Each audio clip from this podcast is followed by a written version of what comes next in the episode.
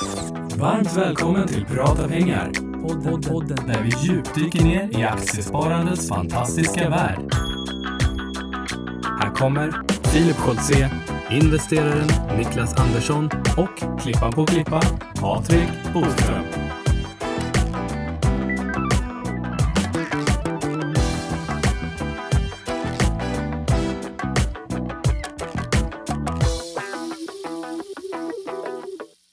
Säger vi äntligen måndag och varmt välkomna till eh, podden Prata pengar. Det är avsnitt 87. Exakt samma siffra som eh, Niklas födelseår. Banne mig, jag tänkte exakt samma sak och nu tänker jag så här att great minds think alike, det är ju mitt födelseår. Det var ju en fin årsmodell. Helt Det är great minds och, och old minds. Förra årtusendet. Ja. ja, det var det faktiskt. Det var det ju. Det är onsdag morgon idag när vi spelar in. Varför spelar vi in så här tidigt Niklas?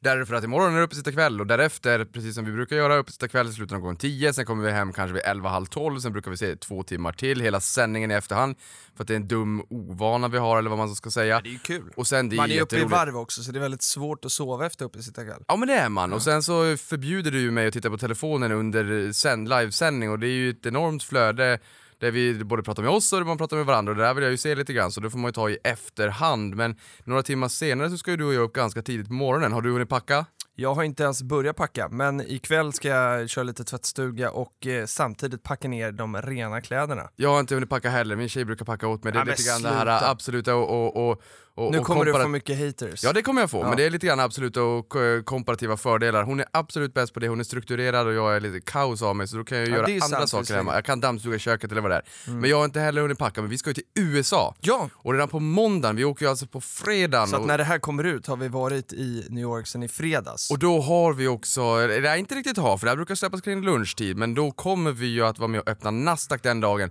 Så är det så att börsen faller, då är det kanske de haters vi får istället för att jag inte packar min resväska. Det vill ju till att vi öppnar upp starkt, annars kommer vi få höra det. Det gör det. Och jag har ju förberett det lite grann på vägen hit, jag brukar ta bussen på vägen hit om jag hinner. Den här gången så aktivt så valde jag nej till bussen, jag gick mina steg Ja, du var istället. fan i tid idag, du var ju före Patrik också. Exakt, och jag gick mina steg istället för att ta bussen för att jag ville ha stegen i Health-appen i min iPhone. Vet du vad det handlar om Filip? Det är game. Gamification, Exakt. gamification och gamification. Det här är någonting som många bolag pratar rätt mycket om.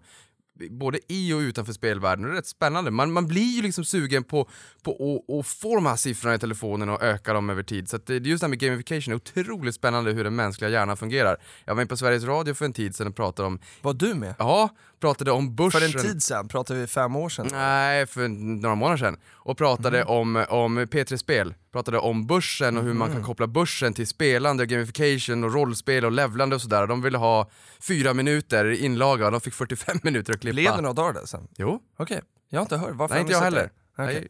Du lyssnar inte på P3 Spel, du är ingen gamer, du är ingen Nej, riktig Peter- gamer. Nej, det har jag i och för sig du är missat. ingen riktig paradoxare. Nej det, det vill jag lova. Åh vilken övergång där! För att jag, jag måste ju, eh, vi har ju lovat att vi ska eh, liksom berätta när vi gör förändringar i våra portföljer. Och då tänkte jag att jag skulle göra det den här veckan. Jag har eh, nämligen sålt eh, mina Paradox-aktier då. Eh, och nu kommer alla säga oh, ni säljer ju aldrig. Men eh, jag, både du och jag har ju Spiltan-aktien och eh, den är ju till typ 70% eller något sånt där, Paradox. Så att det är en, väldigt mycket Paradox i den. Och, eh, och sen hade jag lite direkt eh, i, i Paradox också, eh, en liten slatt. Och sen eh, slog det mig att så här, jag började tänka tillbaka på min gamla strategi som är att eh, ha investmentbolag som, som jag tycker om. Eh, och sen, eh, det som inte är investmentbolag ska vara bolag som inte kan nå via investmentbolag. Smart va? Eh, och nu har ju Spiltan sen eh, nästan ett år tillbaka, jag tror jag köpte det i oktober, november förra året. Eh, och eh, och då tänkte jag så här, nej men då, då gör man med den där slatten så att det inte blir eh, något dubbelt. Så att det handlar egentligen inte om att, eh, att jag inte tror på, på Paradox. För det gör jag. Det är ett spännande bolag. Även om det var lite tråkigt där nu att deras CFO skulle sluta tycker jag. För han, han framträdde ju på Spiltans eh, stämma och gav ett väldigt gott intryck. Andras Weilock, otroligt eh, ödmjuk eh, person, jag gillar jag honom. vågar Så att inte det, uttala namnet. Nej, nej men det så det är lite tråkigt. Eh, där kan man ju också säga att 2016 var ju lite grann året som industrivärlden klippte allt korsägande, 2017 är året som Filip klipper allt korsägande i portföljen Ja men lite eh, så. och inte har dubbelinnehaven. Eh, men just det här med träning måste jag också bara säga att man kan träna på olika sätt för att Tove när vi var här på morgonen så såg jag att det kan ju vara bra att stå vid, sina, eh, arbets, eh, vid sitt bord också Exakt. eh, för att få bollstabilitet och allt vad det är. Jag vet inte, jag snackar bara skit. Jag har ingen aning men jag, det är ju bra på något sätt. Hon vevade upp sitt bord. Du vet, eh, Ja, på, mitt jobb, på mitt jobb så har jag en knapp Eller så att vi, jag... vi köpte såna där, jag- nu jobbar jag inte här längre, men när jag jobbade här så köpte vi de där. Eh, som man vevar upp. Spar, det sparar ju massa energi och miljö. Så ni vevar upp era bord. Ja, Det är helt fantastiskt. Det är Mm. ju extra träning, det borde nästan förmånsbeskattas som arbetsträning. jag tycker det är, är helt genialt faktiskt. Men just det här med spelen, det är ju roligt. Mm. Eh, och, och bra också att du eh, berättar för oss att du faktiskt har gjort en förändring. Ehm, men precis det ska man du göra. säger, det, det, har, det blir ju lite dubbelinnehav. Jag kan också säga Ja. så här, Spiltan, jag har varit aktieägare i 4-5 år. Och när jag handlade den aktien så var det en handelspost om 10 aktier. Eh, nu berättade du för mig att det nyligen var två, två aktier och, och numera en aktie. Ja. Så det är ju, istället för att betala 75 000 så är det 7 500 Mm. vilket är mycket, mycket trevligare för att man kan ju tycka att den här aktien är riktigt, riktigt dyr inom citationstecken, märk väl. Men Att det är det ju inte riktigt. att köpa. För att om man tar en stor tårta och delar den i två bitar så kommer varje bit vara ganska stor, massor mycket kalorier men man kan dela den i tusen bitar också. Jag tror lite grann Per Börjesson och Spiltan som är lite Warren Buffett, eh, de, de gillar det, de har inspirerats mycket av Warren Buffett och, och jag tror att de kanske inte riktigt vill splitta, jag vet inte. För det finns ju en skärm också i att inte splitta också visa över tid hur, hur mycket aktien kan stiga. Warren Buffett ligger över 200 000 dollar. Jag kan tänka mig att det är något sånt där. Jag hade ingen aning om att, det här inte, att så inte var fallet så nu kan jag kanske köpa lite till min dotter också. Min poäng Men det är... hade ju varit jäkligt eh, tufft att köpa den om, en, om du var tvungen att köpa 10 aktier och den kostar 7 500 då hade du behövt köpa för 75 000 Ja. kronor. Men, men min poäng här är att man varje stämma så, så får man ju en liten present Ja. och för ett antal år sedan så fick man en liten present men jag hade inte öppnat den där men nu gjorde jag det. Man har Ah. egna burgare, du vet de har, äger Cool Step så man, man kan pressa egna hamburgare. Ja, okej. Och det, man kunde ju tre olika burgare. Det här är en, eh, en utsvävning men den har en liten, eller det, det har egentligen ingen Det poäng. en- okej. det är en miniburgare, en lite större burgare och så kunde man ju en stuffed burger också. Min Mhm. fråga här, visste du att likt en calzone att, man, att det finns något som heter stuffed burger, att man Nej. kan sätta innehåll i hamburgaren? Nej. Ingen aning jag heller. Men har du testat att göra det nu då? Nej. Nej. jag gjorde en vanlig hamburgare men man lär sig något nytt varje dag, hade ingen aning. I år fick man är någon 30 år ska man tilläggas. sax av något slag. En re- nej, nej, nej, för eh, man har fått en spil, eh, filt, och sen har man fått en liten handduk och sen har man fått en Handduk, väska. Och... men med just det här cool stuff, eh, eh, man fick någon, eh, någon sax i år. Som man ska klippa någonting med. Jo, Det, det här är så roligt. Man fick en liten, en, det, det var en liten bit skärbräda som satt fast Det är på en det sax. det är, just så du satt det. en gurka Man på kan shoppa, skärbrädan. li- exakt. Du, jag shoppade nog champinjoner med den där. Gjorde du det? Ja, det gjorde jag. Nu, nu när du sa vad det var så kom jag faktiskt på det. Men ja. det roliga var just med stämmer, för du sa ju att du var lite sugen också på, nu svävar vi helt ut, Ja, ja. ingenting med agendan att göra, nej, men det är så här vi är. så så att, eh, du sa ju lite grann för någon dag sedan att du var lite sugen på eh, Clas Ohlsons stämma här i september. Kommer du åka dit? Eh, jag hoppas det. Jag har en, eh, en, eh, en, en, nära, en av mina bästa kompisar, Oskar, som eh, han har landställe där uppe i närheten av insjön där, de, där, där Leksand eller. Utsjön? Ja precis, där, där Clas Ohlson har eh, sitt centrallager och sin stämma då. Eh, så att eh, vi, vi pratade lite löst om att vi kanske skulle åka upp och gå på den här, så vi får se om det blir av. Jag tror, den är en lördag vet jag. Eh, och jag vet också att eh, Unga Aktiespar eh, arrangerar en resa dit upp, så vill man kika på det kan man gå in på ungaaktiespar.se. Just det, för de var där förra året såg jag. Ja, det De kanske skickade, jo, jo absolut, kanske de de. skickade lite bilder i flödet så det såg jag. Mm. Ja men kul! Härligt. Eh, veckan annars då, kan jag säga kort, vi har haft eh, regionchefsträff då i Unga Aktiesparare eh, och eh, uppe hos eh, i Toves föräldrahem i Enköping. Eh, och då var jag inbjuden på middagen där i, i eh, i lördags, så det blir ju för drygt en vecka sedan då när ni, när ni lyssnar på det här. Supertrevligt, eh, riktigt bra gäng som la liksom strategin och tankarna för, eh, för tiden framåt här för Unga Aktiespar. Så eh, det ska bli jättekul att följa om än från sidlinjen. Eller? Exakt. Hur har din vecka varit Niklas? Det är Nej, ju inte så spännande längre för att jag, nu hänger ju vi hela tiden tillsammans så jag vet ju ungefär din vecka varit. Men, men eh, alla våra lyssnare kanske är lite nyfikna. Nej, det är precis. Nej, spännande. I nyhetsvärdet, eller signalvärdet faller väl lite grann, för folk tycker väl att vi är lite som Humle och Dumle, antingen ser de oss i köket eller i hissen eller vid Ja, kaffemaskinen. kollegorna säger eller... verkligen det. Ja. det så här, ja, men, eh, gör ni allt tillsammans nu? Ja, ungefär. Och igår var det också när, när det var någon som saknade ett svar på mejlen från dig tror jag. Och du sa så här, men Filip har ju svarat. Och så bara, aha okej. Så att när Filip svarade så har också Niklas svarat. Och tvärtom såklart. Då. Exakt, Mm. jag behöver inte svara på mejlen mer för Filip eh, sköter allt sånt där. Det är otroligt sp- bra i och med att jag är rätt ostrukturerad av mig. Men annars veckan har varit, den, den har varit kul, eh, det har varit full fart. Vi, som sagt, vi planerar ju ändå lite mer USA. Vi spelade in ett USA-klipp igår, riktigt, riktigt god känsla, snacket i Avanza Jag har Play. inte sett den. Nej jag såg den, eller jag har sett den, Mm. jag redigerar ju klippen också sådär, men, men eh, jag fick ju sväva ut och prata lite grann så det, det tackar jag för.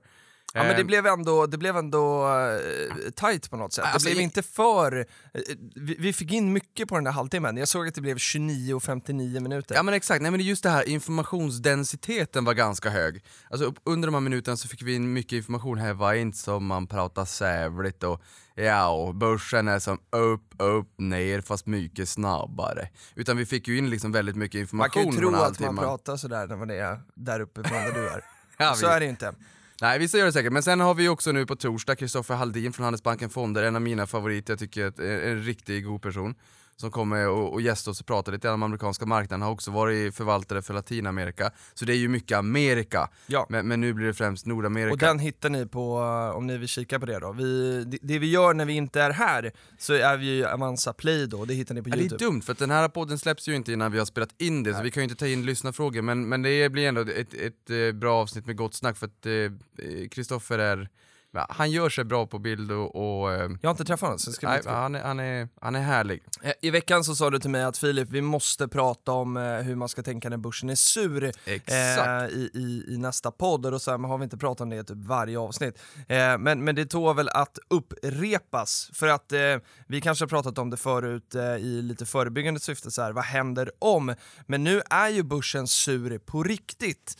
Ehm, och vi får mycket frågor om det här. Ska vi, vad, vill du prata om? Alltså vi har ju en liten agenda så här, bara för att vi vet att vi inte ska glömma liksom de här goda sakerna vi ska prata om. Eh, och nu, idag har vi det digitalt, vi har liksom blivit eh, digitala. Inga, vi har inte skrivit ut något. Nej, det Nej. känns lite läskigt. Det känns samtidigt bra för man har ju liksom varit med om ett årtionde där man säger att man inte ska skriva ut papper på jobbet och det gör man ju inte riktigt längre. Nej. Man skriver ju knappt ut papper längre men jag menar, här har vi ju haft en fysisk agenda. Så vi får se om jag klarar av att pilla på det här med telefonen. Det är bra att jag har en sån här stor telefon med en jättestor skärm.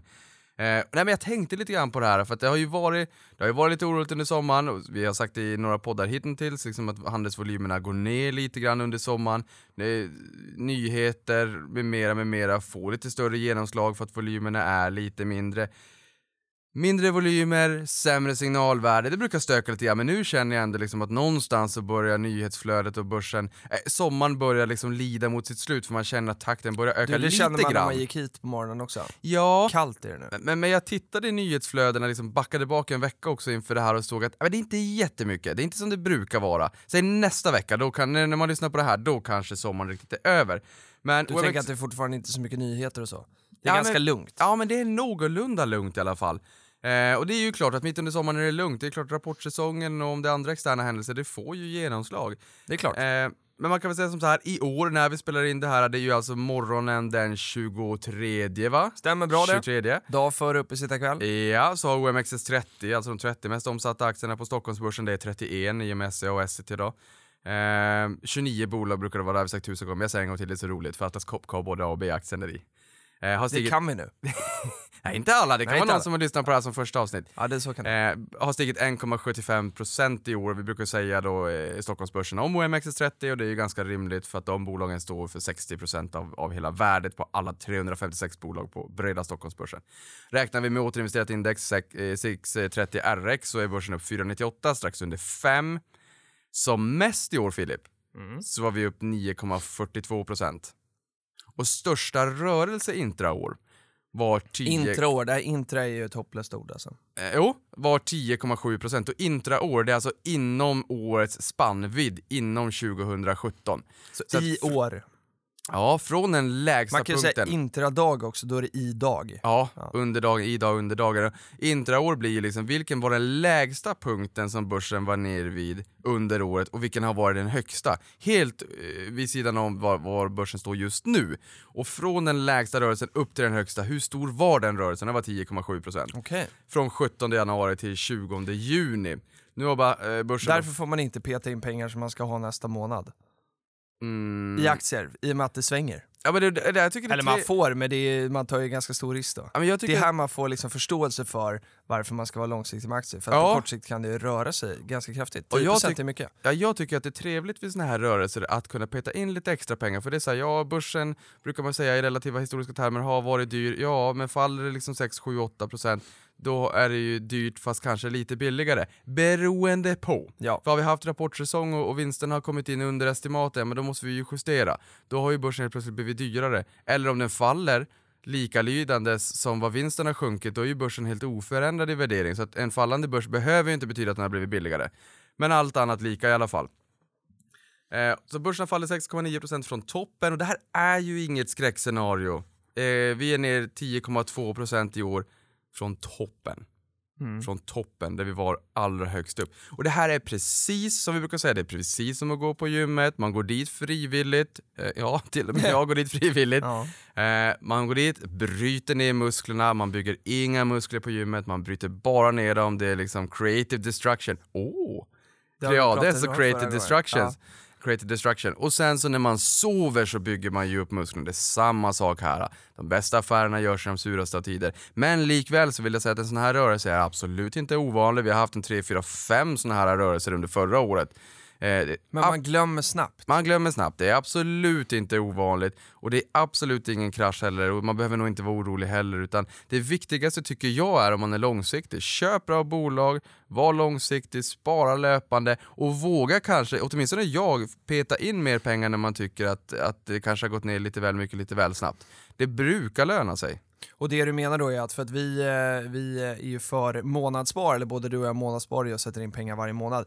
Eh, Men skulle det vara så då att, eh, eh, att det blir en liten extra sättning så, så menar du att du kan ta av kanske din buffert eller någon, någon annan liten kassa någonstans och skjuta in lite extra? Exakt, och sen igår så tittade jag faktiskt också på sektorerna, vilka som har gått bäst och sämst. Telekom har gått bäst i år med en uppgång på 11,8%. Sen har vi Och då Indus... är det Tele2 och Telia och så. Och Kom Hem ingår där också. Kom Hem, har just- ju just det. skyhög eh, prislapp faktiskt. Där köpte ju eh, Kinnevik 18% av bolaget här för en tid sedan så vi får se om det blir något frieri mellan Kom Hem och Tele2. Jag vet inte. Och skyhög prislapp? Eh, du? P talet Okej. Alltså, och då, då tänker du i förhållande till de andra eller vad? vad är Nej, det som får att du nej. tycker att Alltså den är både i förhållande till de andra förvisso, för att Telekom kan ju ibland, kanske i oroliga tider, kanske få en liksom premiumvärdering i förhållande till historiskt snitt för att man tycker att det är lite mer ocykliskt och konjunkturokänsligt. För att vi betalar vår telefonräkning alldeles oavsett om det är hög eller lågkonjunktur. Vi måste ju ringa och, jag måste ringa till dig och du ringer till mig och snyfta och tycka att aktien går ner eller portföljen går ner lite grann och vi betalar ju våran, nu kanske arbetsgivaren betalar för de som lyssnar här, jag vet inte. Men det är ocykliskt i alla fall, precis som konfektion eller vad det kan tänkas vara. Och Konfektyr ty- var min... Och det är där tycker jag alltid är kul med och nu... eh? Inte konfektion, konfektyr. konfektyr. Eh, det, det, jag tycker det är alltid kul med telekom, för att eh, ibland tycker jag i, när man går på aktieutbildningar och sådär, ibland talar man om telekom då som en defensiv eh, eh, sektor, precis av den anledningen du säger, man, man betalar alltid för sitt abonnemang förhoppningsvis. Ibland så pratar man om det som tillväxt. Men det känns som att det var länge sedan. Jag skulle nog inte säga, det finns ju vissa bolag, jag menar Millicom satsar på, på tillväxtländer och så, men eh, ja, i min bok så skulle jag väl kanske inte riktigt eh, titulera telekom som, som tillväxt, inte de eh, klassiska jag tänker på i alla fall. Det Eh, kanske är att jag tänker på aktieutbildning man gick på för 100 år 5-10 sedan. år sedan. Ja. Nej, men vi har ju Tele2 inom Kinnevik och du har ju Telia standalone står på egna ben och sen så har du ju tre som ingår Ja, i jag har Investor. inte Telia, det vill jag understryka. Nej.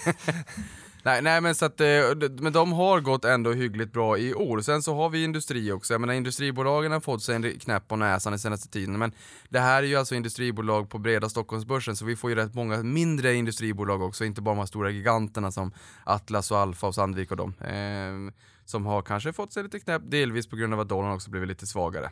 ja. Sen har vi konsumenttjänster som har gått ner 7,89% om vi tittar på andra ändan, alltså de som har gått lite sämre. Där ingår bolag som VRG, Bilia, Eniro och Residor. Vi är de här Venue Retail Group.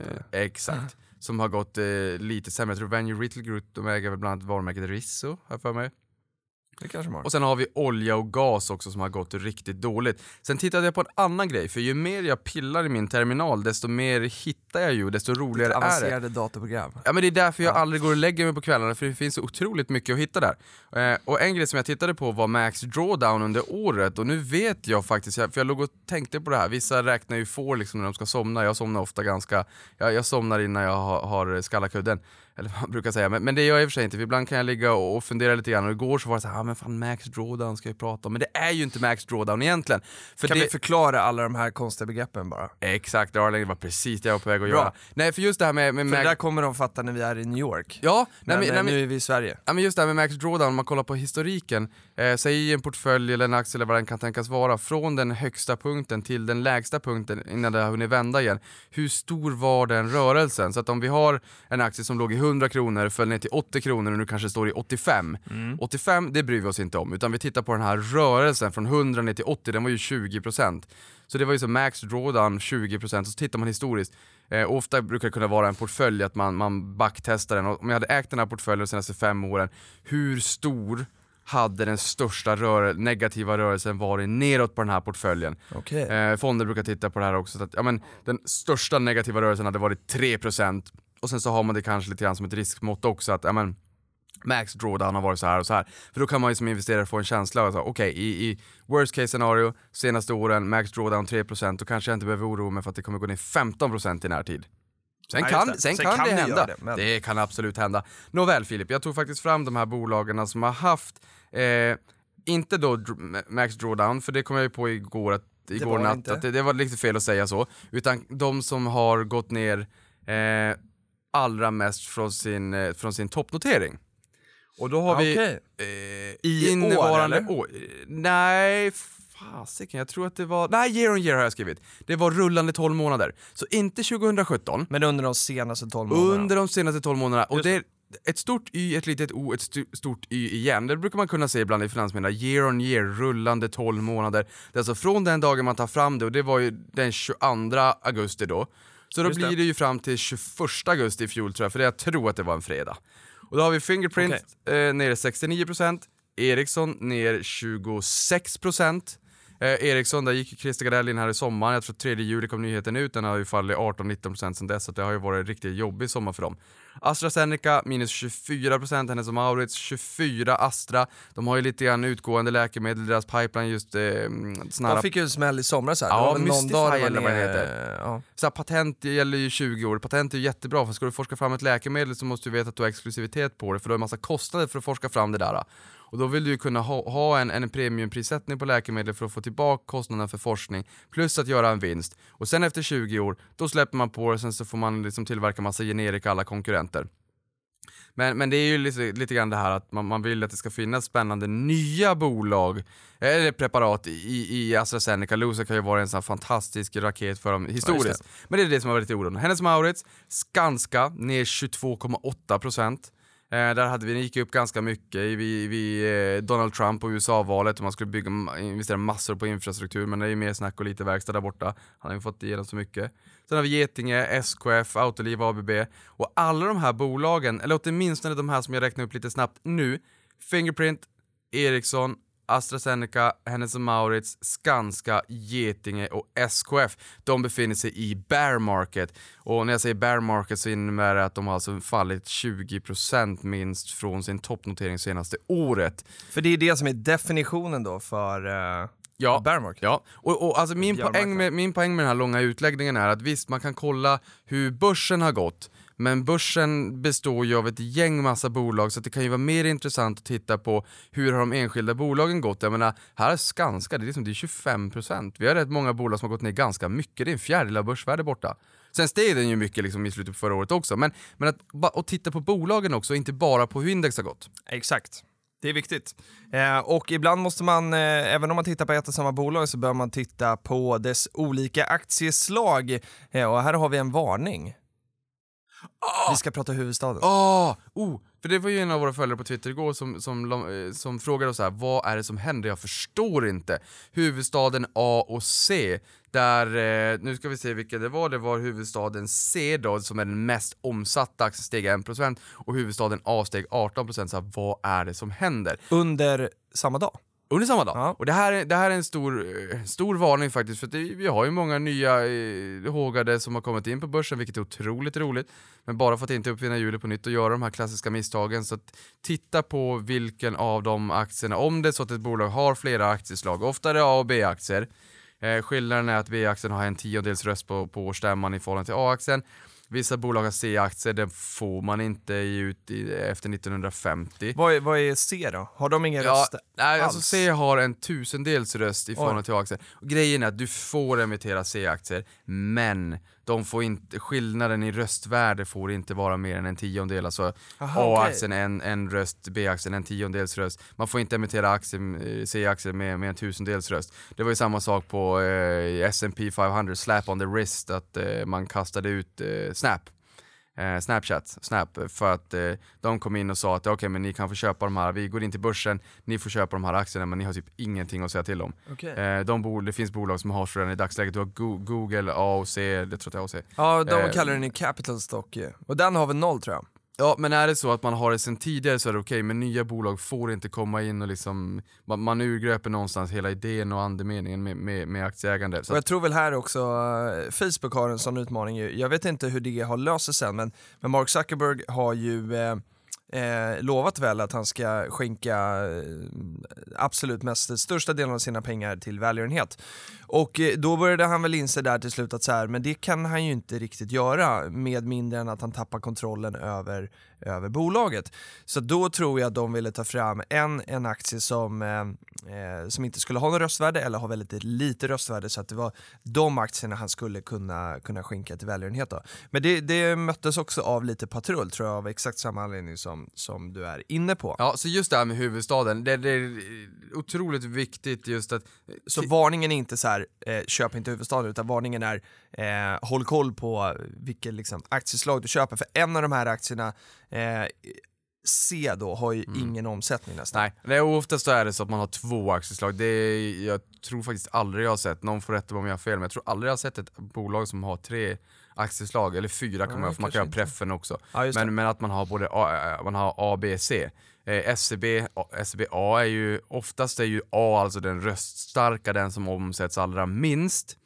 Eh, Men det är ju tvärtom i men i huvudstaden. SCBs fall så är det ju, ja och i SCBs fall är det den som omsätts mest och C är den som omsätts minst. Ja. Så att man måste titta liksom på, eh, okej vilken, vilken aktie av de här två är det som omsätts mest? Det är jätteenkelt att göra det, klicka in på aktien, titta på under dagen bara hur, hur mycket den har omsatt. Och i det här fallet med huvudstaden så var det omsatt 74 eller det var 76 000 kronor i Och det var eh, det som gjorde att det... eh, i A-aktien. Så 75 000 kronor, det hade Ja okej, det är C som handlas mest i huvudstaden. Eh, ja, i, i huvudstaden är, nej det är i huvudstaden A. Visst är det A? Jo det är A. Men då får inte jag ihop det här. Eh, man, man får kika på det. Okej, vi, vi lägger en disclaimer där, men jag Ja. tror att det är A. Eh, Men i det här fallet då, A-aktien steg 18% men det var en omsättning på 76 500 kronor. Signalvärdet är noll. Du hade kunnat ta positionen, jag hade kunnat ta positionen. De flesta av de som lyssnar där ute hade, på, hade liksom kunnat ta en sån position. Det är inte omöjligt. Sen så hade vi då C-aktien, den steg 1% och den hade omsatt 49 miljoner. Så att man förstår skillnaden där. Det är en jäkla skillnad. Det är en jäkla skillnad. Så att till, till han, och det har vi redan svarat på Twitter, men, men att den steg 18% totalt eh, värdelöst signalvärde. Sen kan det vara så också eftersom att det är röstsagt, om det, blir en, eh, om det blossar upp till maktstrid i ett bolag och man vill komma över A-aktier Ja, så kan det. man ju liksom vara riktigt hungrig och vilja betala mycket för det. Och där man, brukar man kunna se eh, rally i, i röststarka aktier. Kanske om det är lite budsidor, kanske är lite infekterad fråga på någon stämma, man vill komma över aktier, men ofta så handlar man av varandra. Man ringer varandra och säger hej, har du någonting att sälja? Så gör man blockaffärer utanför börsen, men ibland händer det. Så att, att det inte man ska gör i- i påverka orderdjupet. priset så mycket. Exakt. Men jag menar i, i, tidigare, jag tror att det var 2017, nu ska vi inte fastna på det här för länge, men då såg jag faktiskt i Ortivus var det va? När ena aktien var den eh, aktie som hade stigit allra mest den dagen på börsen och eh, det andra aktieslaget, om vi säger att det var ett B då, var den som hade fallit allra mest och det har jag aldrig någonsin sett tidigare. Att samma bolag med två olika aktieslag, A-aktie, B-aktie, var dagens vinnare och dagens förlorare. Det var riktigt Okej, festligt. ja det, Eh, det är annorlunda. Sen har jag en annan liten poäng också när det kommer till eh, OMXS30 för det bo- eh, indexet är ju värdeviktat. Så här lekte jag någon dag med också titta på hur 630 RX har gått de senaste åren, alltså när man tar det indexet fast, fast eh, justerar och återinvesterar utdelningen igen. För att eh, vi har ju de största bolagen, Atlas, eller ja i, i, i rätt ordning då, eh, Nordea. H&M och sen Atlas då, är ju de stora giganterna och faller de så får de en större påverkan på, på bolaget, eller på indexet, än om Fingerprint som är ett väldigt litet bolag. Det eh, finns ju runt 10 lika miljarder viktat eller värdeviktat. Ja. eh, får för genomslag. Så det är rätt många bolag i OMXS30 som har gått riktigt mycket bättre än OMXS30 om man tittar på lite längre horisont för att giganterna har gått lite dåligt och drar ner helheten. Just Och det är ju som när man är i löpspåret om man är ett gäng på 6-7 personer, man är inte stark, eller 30 personer för att ta en, en bättre liknelse. Vi, eh, 31 nu för nu är Jessie där också. Vi är inte starkare än den svagaste länken. Nej. Bra. Vilken bra utfadning där. Den var jag, jättebra. jag fick in det, min det, poäng. Det var, ja, det var, och det var inte en, en faded out, det var liksom Nej, det är, tvärstopp. Filip är inte ens röd i ansiktet, det är inte så att jag pratar för Nej, mycket. men det är riktigt utan- bra alltså. Ja. Men, och nu tänkte jag att vi skulle gå igenom lite eh, vad som har hänt i Twitterflödet då. Vi har från, eh, eh, för, för där vet ni alla vid det här slaget, fast nu sa ju Niklas att det kan vara många nya lyssnare och det vet vi att det kan vara. Så att under hashtag prata pengar på, på Twitter hittar ni oss, och inte bara oss utan alla härliga följare som skriver där. Petrusco har ju skrivit om att eh, eh, det är uppesittarkväll då eh, och tycker att det är eh, kul att många människor berörs och att det är ovärderlig kunskap på sikt. Och det är inte så mycket att säga om det. Ja men det är det. Bara kul att höra. här, det, tack Petrusco, det är otroligt kul att, se att du skriver så. Jag menar, vi hjälper ju alla åt. Petrusco är en av, en av de bloggarna där ute som är otroligt duktig på att inspirera och motivera svenska sparare och gör ett, ett, drar ett tungt lass för, för Spar-Sverige. Eh, och, och det gör många andra också. Det Kanske liksom- kan få hit Petrusco någon gång. Ja, jag tror bara att han inte riktigt vill, han vill vara anonym och kanske inte eh, vara med så man känner hans röst och sådär också. Men när Vet han... vi att det är en han?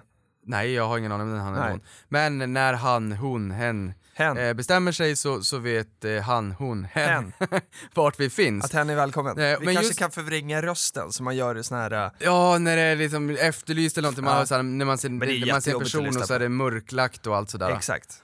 Eh, men- jag kom ju på, i Dagens Industri igår så skrev man ju också att eh, ungdomar vill gå i pension jättetidigt och Så sådär. är det. Eh, Vid 30. vid 30, och det fanns FIRE, eh, vad var det? Financial Independent eh, Retire eh, Early eller någonting. Och det är så här, jag och Filip, jag vill bara att vi säger det för att man kan tycka att börsen är het och det är tecken på att det är toppen och allting. Nej, vi är inte ens, alltså vi är liksom, vi- det är 12, 10, 11, 12 procent kvar till förra toppen och den toppen tog ut toppen 2007 för 10 år sedan. Bolagen tjänar mer pengar, sen har vi en högre värdering än eh, det historiska snittet på P 14, 15 någonting. Förvisso. Men, men jag skulle bara vilja säga att varken du eller jag vill gå i pension tidigt bara för att tona ner det här så att man inte tycker att det är någon ny yuppie-era.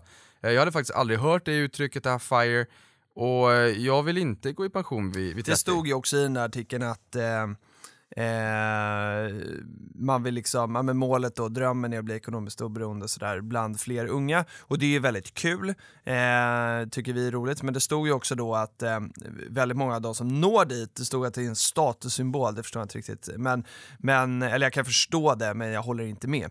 Eh, fortsätter jobba för att det är inte det att man inte trivs, utan eh, man, man vill, ofta om man når dit så kanske man gör det man tycker är kul och när man gör någonting man tycker är kul blir man väldigt bra på det och då tjänar man kanske pengar. Eh, Eh, så att, eh, nej, det handlar ju så- inte om att ligga på soffan Nej, och nej, så- titta på TV. Nej, TV-shop och, och Ricky Lake brukar säga, nu har ju streaming kommit så att när när jag säger så så fattar ju folk att jag inte ens är från det här årtusendet. Ja, nu går vi men, vidare. Men det jag vill säga här, anledningen till varför jag säger det här, det är bara för att folk ska förstå att vi inte är liksom unga, naiva och liksom lite blåögda utan vi förstår att börsen kan gå upp och kan gå ner och när det kommer sådana där artiklar så känner jag bara att man måste vara någon form av motvikt för att det, det kan vara så att det pratas otroligt mycket om investeringar nu för att det, allting är så himla lättillgängligt. Mm. Vi har Facebook, vi har Twitter, vi har eh, många olika personer där ute som, som inspirerar eh, människor i Spar-Sverige. Så det, mm, bara, bara en liten motvikt Ja. så att man inte behöver känna liksom att det bara är någon sån här peak eller att taxichauffören pratar, eh, pratar eh, aktier, han att- eller hon får göra det också utan Ja. att det behöver vara en toppsignal. här, eh, Men ja. när Aftonbladet skriver om det, då är det en toppsignal. Yes, nu ska jag köra på här utan att eh, vi ska fastna på lite tweets. Eh, det vill säga Niklas, Vad lång du, tid den där du, tweeten tog. Du kan, vara, du kan vara lite lugn en stund. Einar Hansson har skrivit så här. kanske dags att ändra introt på Prata pengar nu när Filip längre inte är VD för Unga Aktiesparare. Och det stämmer alldeles utmärkt. Eh, vi, vi kommer ändra den här hela introt över tid, så att, eller över tid, snart, inom kort. Eh, så vi får se om, om Patrik hinner få bort den här eh, VD-biten innan. Eh, Sen skrev Money for Many då att lyssna på att prata pengar och investerare använder mitt favoritord utröna. Det var ju kul Niklas. Exakt. Eh, snart går han om Filip i popularitet. Det var ju mindre kul. Bra avsnitt. Tack! Eh, Plötsligt händer det säger jag bara. plötsligt händer det. Sen Niklas kommer någonting som du ska få kommentera, för det här har inte jag så mycket koll på. Eh, det är Linde som skriver att eh, ska Intrum Justitia gå i konkurs? Man undrar ju nästan det med tanke på kursutvecklingen. Eh, och varför jag vänder mig till dig är för att du har Intrum Justitia. Jag åker visserligen förbi Intrum Justitias huvudkontor varje dag. Ehm, men jag har inte så mycket mer koll på det än så. Ja, de Ska de gå i konkurs? Ja, Ska de gå i konkurs? ja, Intrum? ja. Varför då? Va? Va? Jag, Jag får inte jag prata! Nej, nu pratar Nej, det är klart de inte ska det. De hjälper bolag att inte gå i konkurs när det kommer till, till eh, likviditet och bolag kan liksom... De, de är ju någonstans en katalysator i ekonomin, eh, för de som Man inte säljer till fakturer det. till dem bland Eh, annat. man kan sälja fakturer för, man har, om man har en fordran, en faktura på 100 spänn kanske man kan få 90 spänn eller vad det kan tänkas vara. Och sen så köper de förfallna kreditfordringar, eh, telekombolag och banker och sådär som inte har fått betalt, så köper man det och så kanske man köper det för te- 10% av face value, det vi, vilket, innebär att om man har en fordran på 100 kronor så köper kanske inte de här för 10 kronor och sen så får de in en liten del av alla de här fordringarna så får de en, en eh, avkastning på 20% säger vi. Men varför är Linde orolig? Eh, ja, men Linde är orolig för att det har varit lite stök i det här bolaget egentligen sen eh, Lars Wollung avgick ju som VD här för något år sedan. Jag tror att det kanske är ibland som det brukar kunna vara. var även så i Cloetta faktiskt med, med Bengt Baron. Eh, min analys här, men att VD och, och styrelse inte riktigt kom överens om linjen framåt. Jag tror att Lars Wollungs eh, linje var mera att eh, var lite försiktig när det kommer till PD-portföljer eller eller förfallna kreditportföljer. Inte köpa så jättemycket. Det här är en budgivning precis som på bostadsmarknaden att man budar upp som tusan och pengar kostar ingenting. Så att om du budar upp 100 000 mer för den här lägenheten så kostar det typ 150 spänn extra i månaden efter skattereduktion, vilket är galet. Men det driver priserna. Eh, jag hade en kollega som sålde en lägenhet för 160 000 kvadrat den här för någon vecka sedan. Det är bara ett tecken i tiden. Eh, och, och, och han, Lars Wollung här då ville liksom försöka vårda marginalerna och inte buda upp jättemycket i de här eh, internationella auktionerna på, på, eh, eh, på de här eh, PD-portföljerna. Medan eh, nya etablissemanget snarare vill växa och, och kanske köpa väldigt mycket men kanske lite grann på bekostnad på marginalerna. Och sen har vi, ha, har vi en ny VD, var med lite grann i svängen också i Carnegie när det blåste som tusan. Kom förvisso in i efterhand så vi får väl inte säga att det är hans fel. Eh, men sen så gick ju VD och styrelse, eller främst styrelse, gick ut och förbi storägarna. Eh, vilket i det här fallet tyvärr är stora fondbolag. Vi brukar prata om, om vikten av ägare av kött och blod, inte minst i Intrums fall. Så går man om alla och, och säger att man har eh, här, i princip mer eller mindre tagit fram en deal med Lindorf som ägdes av eh, Investor, EQT, EQT-hållet, men det ingår ju Investor. Eh, och det dealen var riktigt kass. Eh, och det fondbolagen själva gick förbi styrelsen i bolaget. Mm. Styrelsen är ditsatt av aktieägarna. Mm. Om styrelsen gör ett jobb så ska de åka ut genom dörren med fötterna för. De har dåligt jobb. ingenting i bolaget att göra, de är Nej. inte välkomna tillbaka. Samma sak med VD, kasta ut VD genom fönstret. Nej det får man inte göra. Om man är på, på nedersta plan får man göra det, för man får inte gilla sig. Men, men VD och styrelse har ingenting i bolaget att göra om man inte har aktieägarnas förtroende. Det är aktieägarna och årsstämman som är det högst beslutande organet och ingenting annat. Eh, men man går alltså förbi ägarna och, och liksom försöker få till en deal där, där man skapar ett nytt stort bolag, eh, Europas största kredithanteringsbolag, eller kreditmarknadsbolag. Och, och, eh, eh där- eh, Intrums ägare skulle få 53% av det nya bolaget och, och eh, Lindorfs ägare 47%. Eh, och sen så blir det mycket högre skuldsättning i bolaget än vad det var tidigare. Man gick förbi styrelsen, de här fondbolagen satte sig på tvären och dealade själv med Lindorf, eh, eller med, med Lindorfs ägare, Nordic Capital var det va? Visst var det Nordic Capital? Jag tror det, som, äger, eh, som är med på Nordnet också. Du Och sa då- EQT alldeles nyss. Eh, jo men EQT har varit tidigare. Aha, Eh, Jag vet inte om det var EQT innan, innan Nej, dina det var nog Nordic Capital Ja, jag tror det. Jag lägger en liten disclaimer där. Men, men eh, då fick man till, istället för att Intrums ägare skulle få 53% av det nya bolaget så fick man 55 istället. Otroligt dåligt skött det här. Och kul att se att, att passivt ägande, passivt kapital, alltså fondbolagen kan gå in och styra upp en affär som har varit riktigt dålig. Förtroendet för VD och ledning är ju sargat. Jag skulle gärna se att man eh, jag vet inte, men jag tror om det här skulle fortsätta så skulle jag gärna se att man byter ut vdn. Okej. Eh, eh, Det är lite rörigt helt enkelt. Ja men det här är en förtroendeknäck. Mm. Och sen är det också så här att eh, i och med att man då eh, har slagit ihop de här två bolagen så är redovisningen lite jobbig också. Eh, och man brukar kunna visa proforma-siffror. Hur hade det sett ut ifall de här två bolagen hade varit sammanslagna? Eh, och, och vi hade samkört siffrorna och det fick vi förra gången för att när man går ihop med två olika bolag, jag vet inte om de redovisar på samma sätt och hit och dit för ett var börsnoterat och ett var inte.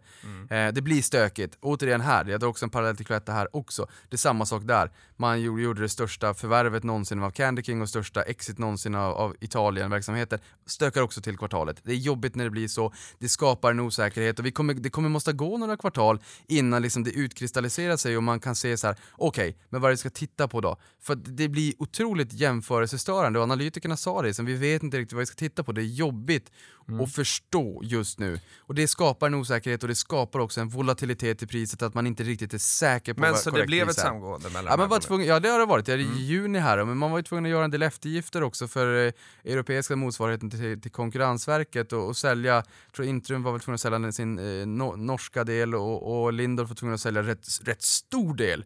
Så att jag menar 30% av de synergierna som man sa från början Mm. skulle uppnås eh, faller. Okej. Man måste sälja bort rätt mycket och det roliga är att, att man från bolagets sida gick ut och sa att man var konfidenta och hade gjort sin research och betalat hiskeligt, eh, äckligt mycket pengar i, i konsultarvoden för att liksom säkerställa att så var fallet. Och sen så blir det helt annars, det blir pannkaka. Jag äger fortsatt bolaget, det är en fin lönsam nisch. Vissa kan tycka att det är lite eh, att det, det är lite fel att äga den här typen av bolag, likt spelbolag. Jag tycker att det är en katalysator i ekonomin. De hjälper bolag att inte gå i konkurs, för vi har många bolag som går i konkurs för att man har likviditetsproblem. Bättre att sälja ut fordringarna som man har, få in likviditet, med mera, med mera. De har lite olika affärsområden. Min lillebror fick, blev jag av med jobbet på grund av att hans byggbolag hamnade i ett projekt med, det, det, där, eh, det, där det varit massa eftergifter, man hade inte likviditet, man gick i konken, två dagar senare nytt jobb med 15% högre lön, bra för honom. Men det här är jättevanligt, inte bara i, noter, i noterade miljö mer ovanligt. Nu går det väldigt fort här. Men, men i den onoterade miljön bland småbolagen ute i Sverige, Ja. det, är rätt, det är rätt vanligt Det är att det. det stökar till att man inte har likviditet. Alltså pengar i kassan att betala sina fordringsägare, eh, det man är skyldig folk pengar, man ska betala ut löner och allt vad det är. Mm. Och så sitter man i en jäkla rävsax och banken säger nej sorry, vi kan inte låna ut pengar. Mm. Vad gör man då? Då får man gå till Intrum i så fall. Ja, alltså det, jag, jag tror inte att man ska smutskasta Intrum att det är ett dåligt bolag. Jag tycker att det är ett fint bolag, bra lönsamhet. Läs på om affärsmodellen, det är rätt, rätt spännande. Och sen så också är det ju så här. Vi behöver inte, gå vidare nu. Ja, men det är en viktig grej jag måste säga för annars så uthåller jag en viktig poäng. Att då ju att- måste stryker vi lite grejer framåt. Ja men det är bra. Ja. För, för det här bolaget är en av Stockholmsbörsens mest blankade bolag också. Ja. Och tydligen så är det så, eh, Danne på Twitter skrev att, eh, att eh, bolagets VD tydligen hade sagt att eh, amerikanerna vill komma åt och blanka sektorn. För vi har ju PRA, eh, exempelvis ett bolag, motsvarigheten i USA, det har gått riktigt dåligt men där tyckte jag tror det var Handelsbanken eller SB som var ute och sa att det är mera valutaspel och eh, regler, eller, regulatoriska problem i USA domestikt på den marknaden och bör inte spegla eh, och skapa problem för Intrum, men amerikanerna vill komma åt och, och blanka hela sektorn i Sverige och då går man på Intrum för det enda stora alternativet. Sen sa jag nyss här också att man borde eh, låta VD gå. Jag är väldigt hård, jag har liksom, man, man ska inte vara elak, men det är en förtroendeknäck och får man inte upp förtroendet och marknadens, eh, liksom får man inte det kan man inte säga till marknaden liksom att man kan lyckas göra det man ska göra och få upp förtroendet igen. Då kommer det vara svårt att få upp den där värderingen eh, på samma nivå som man haft tidigare. Förtroende är otroligt viktigt i den här branschen. Just det. Bra. Eh, sen har vi, eh, fick vi också en kommentar De ska från... inte gå i konkurs eh, alltså. Okej, det Förlåt- var förlåt, ti- Filip. tio minuter monolog på Ja. en kort fråga. Ja, men det är jättebra, eh, för snart kommer nästa monolog med nyhetssvepet. Eh, vi får göra så här då att vi pratar om Oliver Kaj Kairala som eh, skrev på Twitter så här, vad tror vi om Latours rapport som kommer nu på morgonkvisten? Och det här skrev han då för en vecka sedan ungefär för att den här rapporten kom. Eh, och det blev en bra rapport, jag äger Latour, jag pikade det lite grann för att du inte gör det. Eh, för att de visade i den här rapporten att de totalavkastade då 25,9% under årets första halvår eh, mot då Stockholmsbörsen eh, inklusive utdelningar då eh, som avkastade 10,8. Eh, och eh, bara apropå det här att det går absolut att skapa överavkastning. Eller hur? Mm. Visst gör det?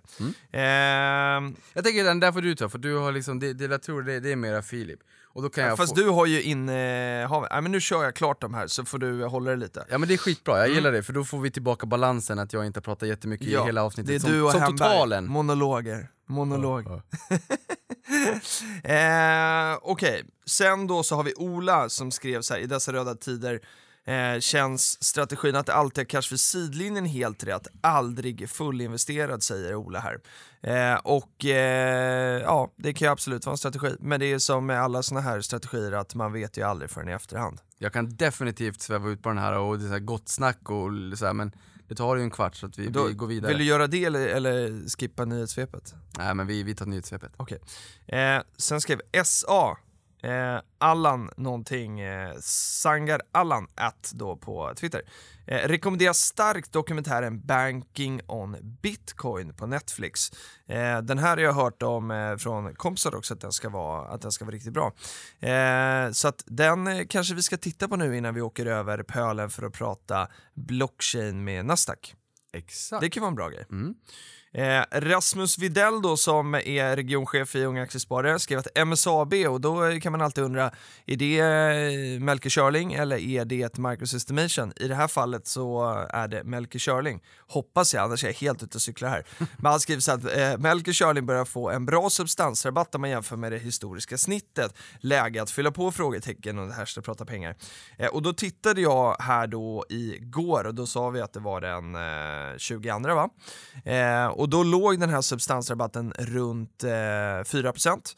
Och eh, den har de sista åren, jag gick in och tittade på eh, hur det har varit historiskt och eh, de sista åren har den kanske snarare legat på, på liksom 4% i premie, det vill säga att man betalar 4% mer för varje krona i bolaget än, eh, än eh, nu fastnade jag. Vad, hur säger man? Man betalar 4% mer för varje krona som finns i bolaget. Så en krona i värde betalar du en krona och, Och fyra öre för. Exakt. Inte svårare än så. Eh, och om det är köpläge. Alltså grejen är att det är ju alltid aning. lättare att prata hundralappar i det här fallet. Ja men det För är det faktiskt, 100 1%. Ja, det är men det det faktiskt. 4%. 100. Ja, Man betalar 104 spänn för varje hundralapp. Exakt. Ja. Bra Niklas! Ja. Eh, Men jag har ju Melker Schörling, du har inte Melker Schörling va? Nej. Men du har eh, typ alla innehaven. Ja, en del. Jag har inte Securitas, men grejen är att det där kan man också säga sådär att... ehm, Det är väldigt mycket Hexagon. Det är ja, det är typ det. det har ju, och det har ju varit en, en premievärdering på bolaget samtidigt som alla bolag har varit börsnoterade, så att man har ju så kunnat replikera Exakt. den eh, själv. Ja, det är det som blir lite lurigt ju. Och nu har ju tyvärr, eh, livet har ju sin gilla gång och man vet ju aldrig riktigt vad som händer och Melker har ju blivit sjuk. Eh, och en sjuk, Exakt. sjukdom som förmodligen är progressiv som jag har förstått. Så det är ju inte, Det är inte kul. definitivt inte roligt. Nej, Eh, men sen ställer det också frågetecken till om man äger ett bolag som är Melkerbolag med en premievärdering med innehav som är helt noterade och billigare på börsen. Eh, Man får ta sig en funderare varför man i sådana fall köper eh, Melker Schörling. ja. Eh, det som vi pratade om i veckan du och jag här var väl att eh, eh, Melker Schörling så man kan lösa in aktierna vid årsstämman till substansen.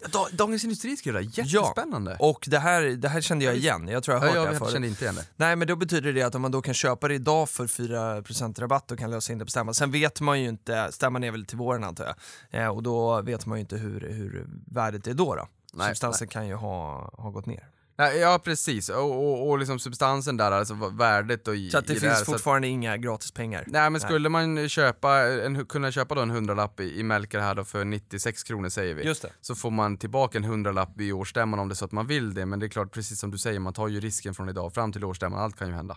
Ja, för då kanske aktien står i den där hundralappen kanske bara är värd 90 och då Ja. har man förlorat de där 6 kronorna. Eh, eh, vet du vad, nu eh, hämtade vi hem massa tid så nu hinner vi med det mesta ändå. Eh, bra va? Eh, för att jag, så här, jag har tänkt att vi ska göra, i varje uppesittarkväll, så det här kan ni titta på eh, senaste uppesittarkväll också, och i den sista podden då, kanske för månaden, eh, så tänker jag att vi ska prata om Niklas barnspar. Eh, för du har ju eh, fått en liten dotter här och eh, månadssparet är igång och det är, vi får väldigt mycket frågor om hur man ska spara till barn och sådär. Och, eh, och då tänker jag att eh, ett bra sätt att inspirera till det är ju att du får berätta vad du gör varje månad eh, till, får vi säga namnet? Ja det kan vi göra va? Ja, Nelly. Ja, det är du öppen med. Inte Nelly Qliro-innehavet. Nej, Nelly. Ja, visst. Vad köper du till Nelly den här månaden? Har du bestämt dig?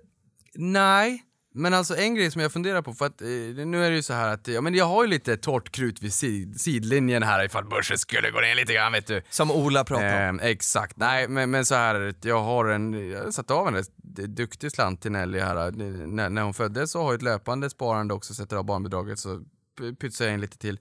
Och, och, och, och det här har ju byggt upp för att jag har liksom inte hunnit köpa ja, för allting, för jag känner så här att jag vill verkligen, för min egen portfölj vill jag också vara liksom strängt kalkylerande, nyttomaximerande och sen så lite våghalsig och sen så lite huvudlös och sen så lite, det ska vara en bra känsla i magen. Lite leap of faith också. Eh, men när det kommer till, till Nelly så vill jag ju någonstans känna att det kanske är lite mindre bolag också. Eller stora bolag men som har en ordentligt fin potential. För det här är ju pengar som förmodligen säkert kommer ligga i 20 år. Eh, och då vill jag, ja men någonstans vill jag känna att jag vill veta exakt varför jag köper de här bolagen. Vad det är jag tycker är mest spännande, det ska man ju alltid veta såklart. Eh, men eh, jag har köpt fyra bolag och jag ska ha runt en 10-15. Jag började med eh, Cloetta som det första innehavet. Eh, och i och med att vi pratar, eller har historiskt pratat mycket om just det bolaget så vill jag bara lyfta där att jag pratar mer om produkterna för att jag gillar dem Ja. än bolaget. För så himla spännande är det faktiskt inte. För det här är inte ett bolag som kommer dubbla kursen till, till eh, eh, imorgon. Utan det är liksom en skördetröska. Det kommer liksom harva på sakta men säkert. Men det är liksom en lite mera ocykliskt innehav. Jag, jag tycker det är, ja, men det är lite roligt att ha det. Hon kommer säkert käka godis. Jag har ingen aning när man började ge barnen godis. 6-7 år. Ingen aning. Nej, 4-5 kanske. Ja, det tror jag. Jag har en kompis vars dotter hon älskar Kinderägg så jag kommer dit med Kinderägg. Det är Ferrero, man skulle gärna hoppas att någon, något noterat bolag köper Just dem.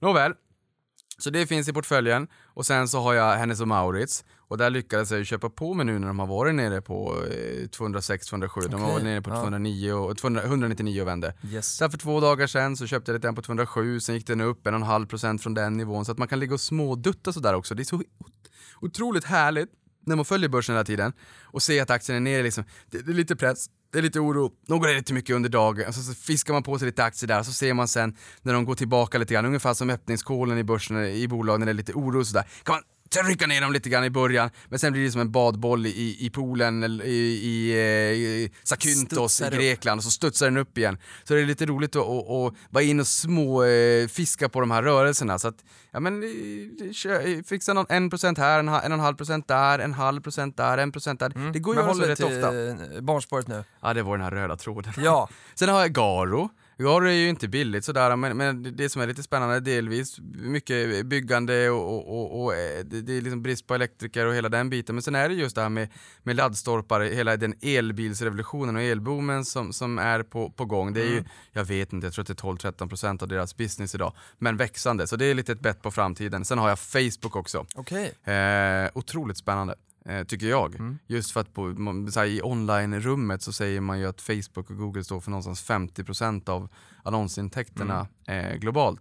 Eh, och det här tror jag att man bara kommer kunna öka framåt Mm. i och med att plattformen lär känna oss bättre och bättre. Jag tror att månadens innehav, tror jag Filip, Mm. jag, jag tror, jag vet inte, du får säga vad du tycker. Jag är riktigt sugen på att ta in Alibaba i portföljen. Ja, du har snackat om det eh, men jag har gjort både den här veckan och förra veckan. Ja. Ja, ja men vi, vi gör så här då, eh, för att nu börjar vi komma in på nyhetssvepet. Eh, du kommer få tid att prata om det här också i Uppesittarkväll. Så att eh, nu har man fått fyra bolag. Om man, vi gör, jag ger dig en uppgift att bestämma till på, torsdag då när vi gör uppesittarkväll eh, vilket bolag det blir. Och ni som lyssnar på det här nu idag måndag kan gå in på Unga Aktiespararens YouTube-kanal, titta på Uppesittarkväll så får ni se vad det blev. Ja. Bra deal va? Ja. Och, och så kör vi eh, nyhetssvepet. Ja, exakt. Och nyhetssvepet har inte 10 punkter som Filip brukar, brukar Nej, möjliggöra men de var mig. väldigt köttiga. Ja, Ja. Så, så det jag kan så säga med... Sätt igång. Ja, så- men det jag kan säga med Alibaba bara som jag har sagt tidigare också, men jag säger det faktiskt en gång till. Jag lyssnade ju på en podd på vägen till, till podden förra gången och då sa man ju där att eh, man har 530 miljoner mobila användare på Alibaba i Kina som har 1,4-1,5 miljarder människor. Men det är bara 55% av de här människorna som har access till internet.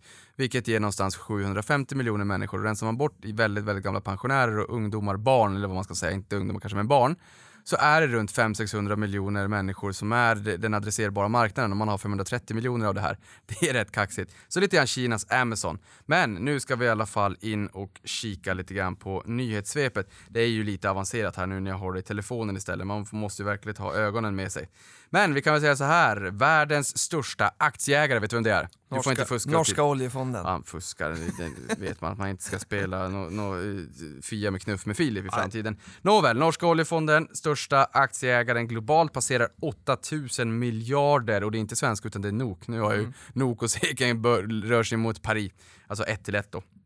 En svensk krona, en norsk krona. Men i alla fall. Eh, oljefonden har 65% av tillgångarna i aktier, 32% i räntor och cirka 2,5% i onoterade tillgångar. Eh, och det roliga här är att man kan se portföljens värde, hur den utvecklas i realtid på deras hemsida. Det har jag gjort lite grann. Det svänger väldigt stora pengar väldigt snabbt. Så har du svagt hjärta så undvik att gå in på det. det är så här, men när man säger så, vill, så måste man gå in och kolla. Eh, och den här 0,5 procentenheten som är kvar för de som är lite snabba i huvudräkning får vi säga att det är en angel share och de som gillar whisky vet vad jag pratar om. Okej, jag Eh, frågar dig om det sen. Ja, det är så här att när man eh, lägger in whiskyn i tunnorna och sen så lagrar man dem i ett antal år så försvinner det, avdunstar en del av vätskan eh, via ekfaten eller vad det kan tänkas Okej. vara och där brukar man prata angel share. Aha. Så att de får också sitt, men jag tror inte man får säkert inte dricka i himlen. Jag, jag, jag har ingen aning om reglerna. Eh, jag kan inte sånt där. Tencent Sports tecknar ett treårigt exklusivt avtal med NFL om livestreaming i Kina. Och sen hittade jag en analys från, eller stod i samma pressmeddelande, Kantar CSM China Research. Ni kan titta på dem om ni vill, jag vet inte, inte vilka de är.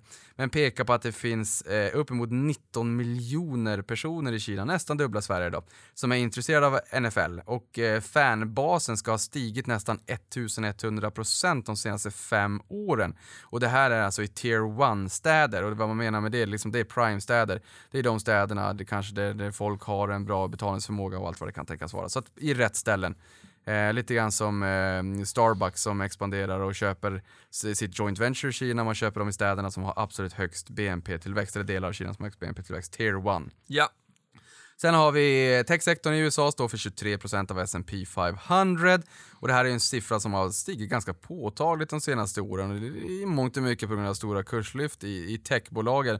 Så det är ju lite grann eh, sådär varningens finger. Eh, eller att, åtminstone att man har koll på det.